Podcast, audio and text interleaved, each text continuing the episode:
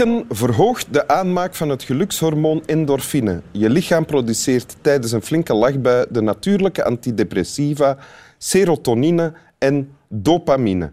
Je lacht dus niet alleen omdat je blij bent, je wordt ook blij omdat je lacht. Ja, dat is beschreven, ja. Ja. Welkom bij Winteruur, bij Swami Bami, bij mijzelf en u ook. Welkom in Winteruur, Maggie de Blok, minister van Sociale Zaken en Volksgezondheid, federaal minister. Ehm, en huisarts, maar waarschijnlijk niet praktiserend op dit moment. 25 jaar huisarts geweest. Ja. En al zeven jaar niet meer. Nee. En u hebt een tekst meegebracht. Ja, Wil u die voorlezen? absoluut. Ja. Zwaar zieke mensen willen meer dan enkel hun leven verlengen. Uit onderzoek blijkt dat ze vooral bezig zijn met pijn vermijden, de band met familie en vrienden versterken, hun helderheid van geest bewaren, anderen niet tot last zijn en het gevoel krijgen dat hun leven compleet is. Onze gezondheidszorg is er niet in geslaagd om aan die noden te voldoen. En de prijs die we daarvoor betalen is niet in geld uit te drukken.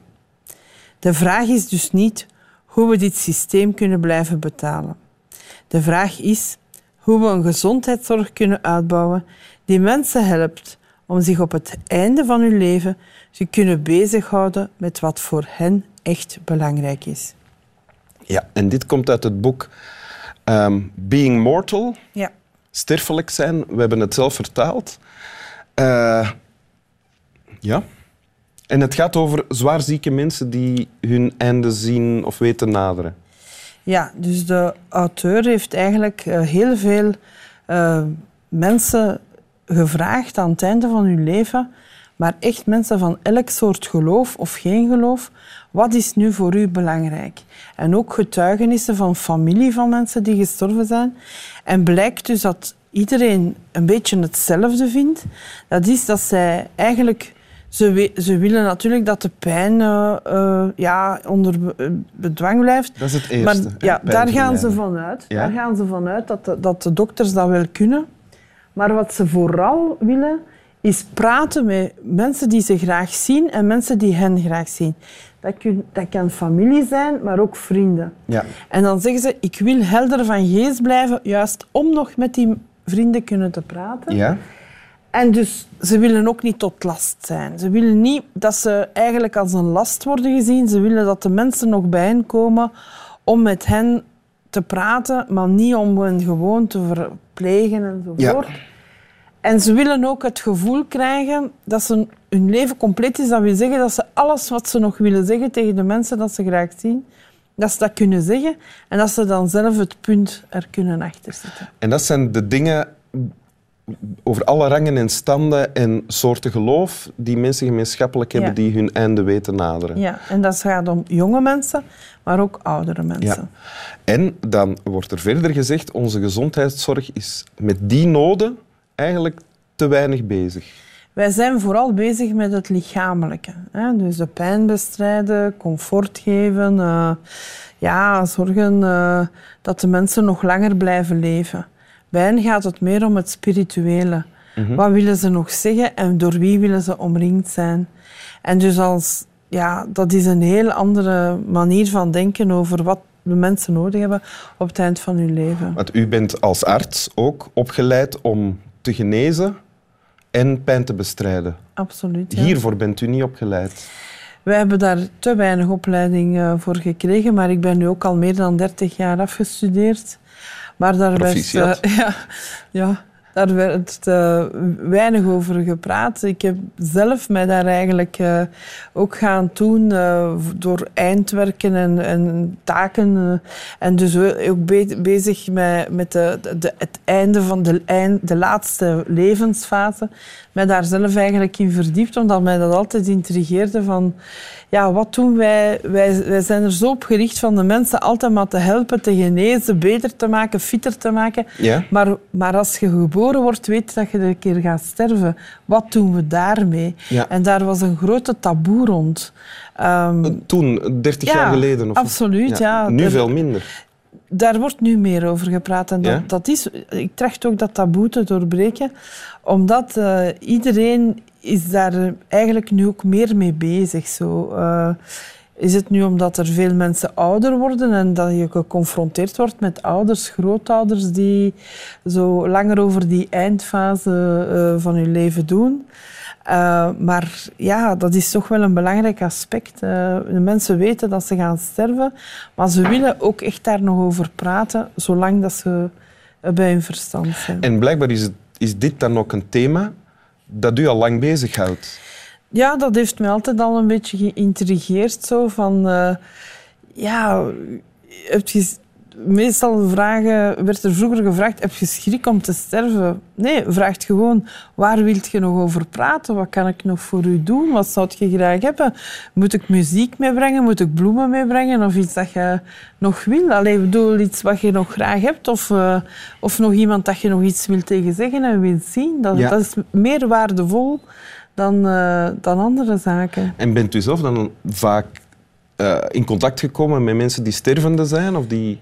Ik ben 25 jaar huisarts geweest en Ja. ik heb altijd de vraag gesteld aan mensen die, ja, die zwaar ziek waren. Waar zou u willen zijn op het einde van uw leven? Wilt u hier in uw vertrouwde omgeving, bij uw gezin, in het huis waar dat je woont?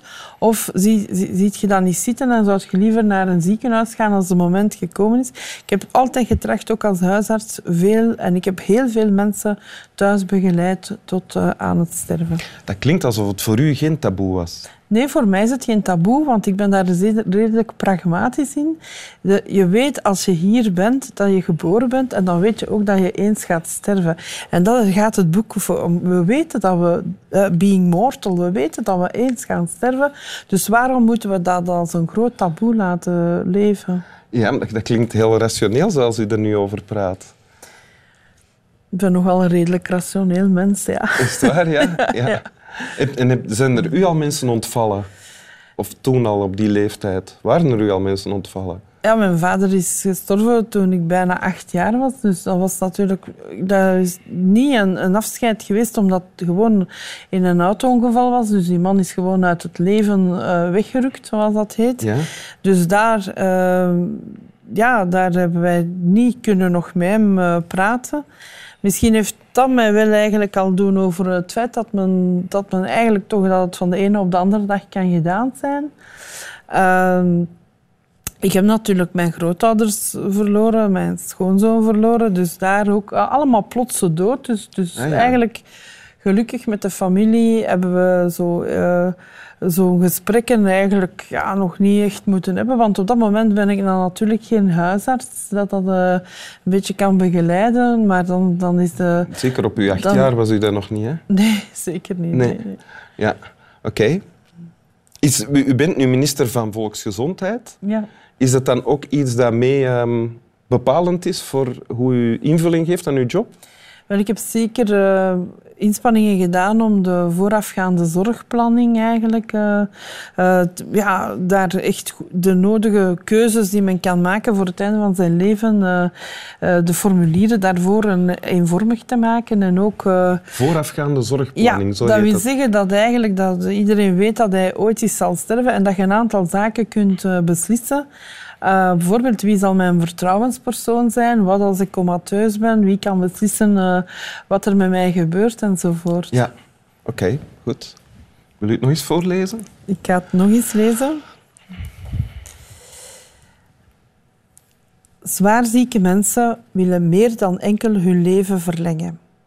Uit onderzoek blijkt dat ze vooral bezig zijn met pijn vermijden, de band met familie en vrienden versterken, hun helderheid van geest bewaren, anderen niet tot last zijn en het gevoel krijgen dat hun leven compleet is. Onze gezondheidszorg is er niet in geslaagd om aan die noden te voldoen. En de prijs die we daarvoor betalen is niet in geld uit te drukken. De vraag is dus niet hoe we dit systeem kunnen blijven betalen. De vraag is hoe we een gezondheidszorg kunnen uitbouwen die mensen helpt om zich op het einde van hun leven te kunnen bezighouden met wat voor hen echt belangrijk is. Dank u. Graag gedaan. Slaap wel.